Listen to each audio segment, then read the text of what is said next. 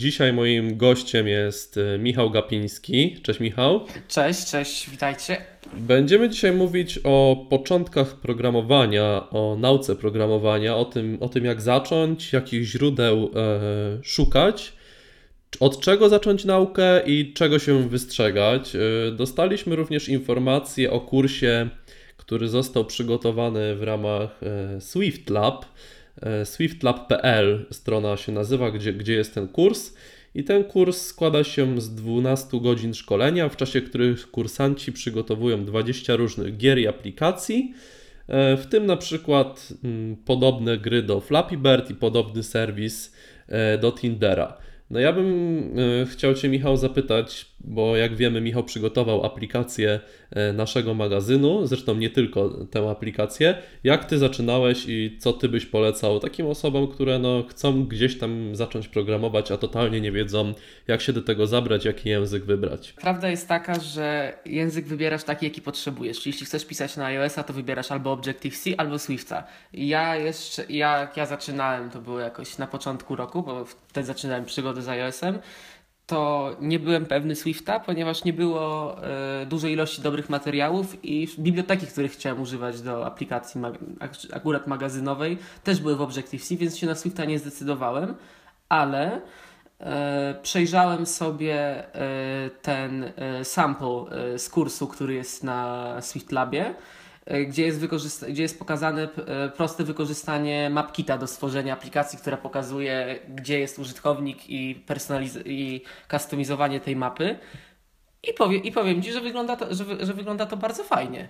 Mhm. W, w sensie, ja jako osoba, która nigdy nie miała kontaktu ze Swiftem, nawet jakbym nie miał nigdy kontaktu z programowaniem, byłbym w stanie e, coś z tego zrobić. No właśnie, ale wiesz, tutaj niektóre osoby mają ściśle sprecyzowane, od czego chcą mm, zacząć. E, ja nie jestem absolutnie programistą, uczyłem się troszeczkę e, C w liceum, potem troszeczkę we własnym zakresie e, Pythona i teraz mam na studiach C Sharpa. Więc jakoś tam podstawową wiedzę mam, ale na pewno nie można mnie nazywać programistą. W każdym razie słyszałem o takiej tezie, że jeżeli nauczysz się już jednego języka programowania, to potem już jakoś leci. I czy zgadzasz się z tym? Tak, bo języki, są, języki różnią się z grubsza, różnią się, różnią się głównie składnią, e, więc jeśli po prostu wiesz, jak budować kod, to napiszesz, go w każdy, to napiszesz go w każdym języku, jeśli masz przy sobie dobre materiały, czyli po prostu internet. Bo każdy, na przykład Xcode, on podpowiada, on e, poprawia wszystkie zwykłe błędy składniowe, więc nie trzeba w ogóle o, ty, nie trzeba w ogóle no Tak, tak jak Visual zresztą od Microsoftu. Tak, tak, mhm. tak, tak. Ja nigdy z Visualem nie miałem styczności, więc nie jestem ci No ja mam niestety na co dzień, także mogę powiedzieć, że, że jest, że też poprawia. No dobrze, ale mamy na przykład taką sytuację, że ktoś mówi sobie, kurczę, chciałbym programować, totalnie nie wie, czy na komputer, czy na urządzenia mobilne, i jaki jest taki język, od którego właśnie powinien zacząć? Że on jeszcze nie ma sprecyzowane, na co chce programować, co chce konkretnie, jaki program napisać, ale że chce się nauczyć, gdzieś tam ma kilkanaście lat taka osoba, może nawet jest starsza i chce zacząć taką przygodę, to co ty byś właśnie tutaj polecał ze Wiesz swojej co? perspektywy? E, ja, mhm. zaczy ja zaczynałem od Javy teraz mówię, że, teraz mówię, że niestety, bo bardzo nie lubię teraz tego języka i bardzo nie lubię tych środowisk, które się używa do programowania w Javie. Mhm. U mnie to się zaczęło tak, że kupiłem sobie w dziesiątym roku e, pierwszy telefon z Androidem mhm. i denerwowało mnie oprogramowanie i zacząłem po prostu szukać materiałów, co można zmienić, jak można zmienić i tak dalej. I skończyło się, i skończyło się na tym, że telefon na, z producenta, od producenta skończył wsparcie tam na Androidzie bodajże 2.1, a nam się udało odpalić na nim 4.2 bodajże nawet, mhm. jeszcze, na nowszy, jeszcze na nowszym jądrze. I to po prostu była taka e, Poznałem ludzi, na, poznałem ludzi na forach, od nich, od nich się. Głównie Andro, Android jako źródło od Google'a jest gotowym gotowy, jest gotowym kodem, więc po prostu musisz tylko poskładać klocki. Mm -hmm. Więc musisz wziąć te biblioteki, które tam były w tym e, w oryginalnym oprogramowaniu, trochę musisz tam wziąć od Qualcomma, bo oni, bo oni co wersję Androida dokładają nowe i po prostu e, dzięki temu nauczyłem się czytać kod. Nauczyłem się do, do, prowadzać w nim jakieś drobne zmiany, modyfikować go, żeby robił to, co chce. I to właściwie była, i to właściwie był początek mojej przygody. No i potem miałem dłuż, dłuższą przerwę. Zainteresowałem się trochę robieniem stron internetowych i bardzo mi się to spodobało, bo to dla mnie to jest po prostu jak w, po tym, jak, jak złożona była struktura kodu Androida, to pisanie stron internetowych było jak robienie, budowanie czegoś z klocków. I teraz jakbyś e, drugi raz e, miał się cofnąć w czasie, to też byś polecił mm, innym Java, czy, czy wybrałbyś Nie, coś e, innego? E, mówią, że, mówią, że Objective-C jest, jest okropnym językiem pod względem składniowym, mhm. ale narzędzie, jakim jest Xcode, jest po prostu świetny.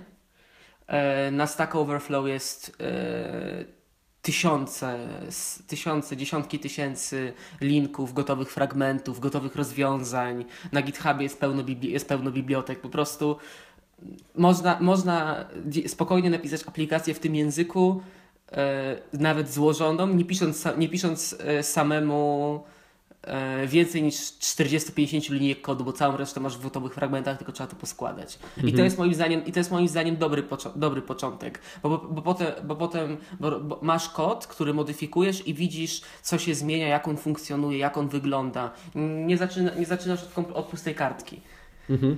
Właśnie podobna sytuacja jest e, z wizualem od Microsoftu. Ja niestety na studiach muszę, muszę korzystać z Windowsa. E, wcześniej w liceum uczyłem się C++. Teraz e, korzystam z tego C Sharpa i C Sharp jest dużo prostszy i wydaje mi się, że to też jest taki język, którego jeżeli ktoś chce po prostu gdzieś tam uczyć się programować, nawet takie pisać programy konsolowe, e, to to jest myślę, że dobry początek, bo jest tak. bardzo prosty w nauczeniu się i jeszcze ten wizual, który podpowiada wszystko, e, tak. uzupełnia jakieś błędy drobne no to myślę, że ja, ja bym ze swojej strony z tych trzech języków, z którymi miałem styczność właśnie, właśnie tego C-Sharpa na Windowsa I powiem Ci, polecił. że C-Sharp nie tylko na Windowsa, bo jest środowisko Xamarin, które pozwala e, w, w C-płocie pisać na Androida i na iOS-a. Mhm. No tylko, to, tylko to dla, dla studentów ono jest darmowe, ale normalnie to środowisko, całe idee kosztuje jakoś tak mhm. 30 euro na miesiąc, coś takiego, ale to jest kombine. Po prostu ma, aplikacja na kilka systemów używa jednego środka jądra. Jasne. E, powiedz mi, bo ostatnio czytałem artykuł, który opublikował serwis The Verge e, na temat e, takich serwisów typu Code Academy i tak dalej. To są takie serwisy, gdzie nie ma w zasadzie mm, kursów prowadzonych mm, z żywym e, nauczycielem, tylko mamy gotowe zadania do wykonania, pokazane w jaki sposób e, to zrobić. Tam jest obecnie dostępnych kilka języków, w tym m.in. Java, Python. E, I padła taka teza w serwisie The Verge, że nie warto się uczyć za pomocą tego typu narzędzi. I tam było wyszczególnionych e, kilka, kilka argumentów, że po prostu to nie nauczy cię nigdy programować. I jaki jest, jest Twój prawda. stosunek do tego? Ja, uwa ja, uważam, że to jest w 100% prawda, bo tak, tak, pierwsza rzecz, że ja nigdy nie miałem cierpliwości ani do jakichś dłuższych kursów, ani do książek. Więc po prostu wolałem, więc po prostu wolałem sam roz, rozgryzać wszystkie problemy i się i wtedy po prostu się czegoś z tego uczyłem. Ale jak miałbym robić yy, uczyć się z kursu, który by, byłoby, jakieś byłoby jakieś zadanie, które trzeba rozwiązać, one z reguły są matematyczne na początku, e, to po prostu dostajesz, dostajesz na tacy właściwie gotowy schemat, jak masz to zrobić. I potem, jeśli zrobisz błąd, to ci pokazuje, jak to powinno być napisane. To, to, to chyba nie o to chodzi, szczerze mówiąc. No tak, nie, nie możemy się nauczyć na błędach, bo tych błędów sam, sam program nam jakby, sam, ta, sama ta platforma poprawia poprawia błędy, więc faktycznie tak, jest, to, jestem to się w stanie z tym to zgodzić. Kompletnie nie, to kompletnie nie uczy, moim mm -hmm, zdaniem. Mm -hmm. No tak, bo tam jest tak, że jeżeli mamy napisać jakąś linijkę kodu na przykład, e, która będzie nam potęgować e, wpisaną cyfrę, jeżeli zrobimy to źle, e, no to możemy zobaczyć sobie, jak ma być poprawnie, i tak naprawdę e, to do niczego dobrego nie prowadzi.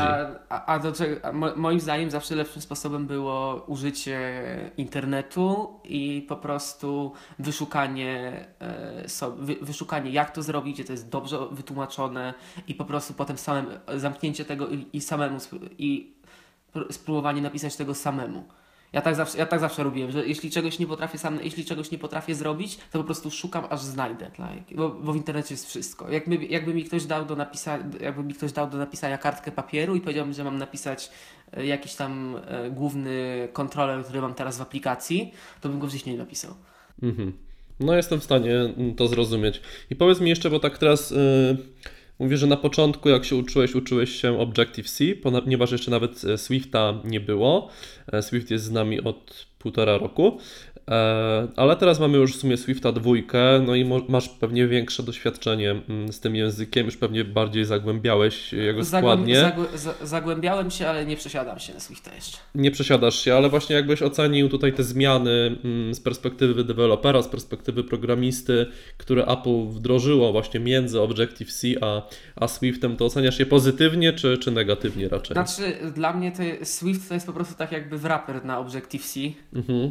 E, on, jest, on jest, ma, ma, po prostu mniej skomplikowaną składnię, nie wymaga, nie czepia się, nie, nie czepia się przecinków, średników i innych pierdół. Można, mhm. wstawiać, można wstawiać emotikonki jako nazwy zmiennych, co jest wiel, naj, naj, najważniejszą funkcją tego języka.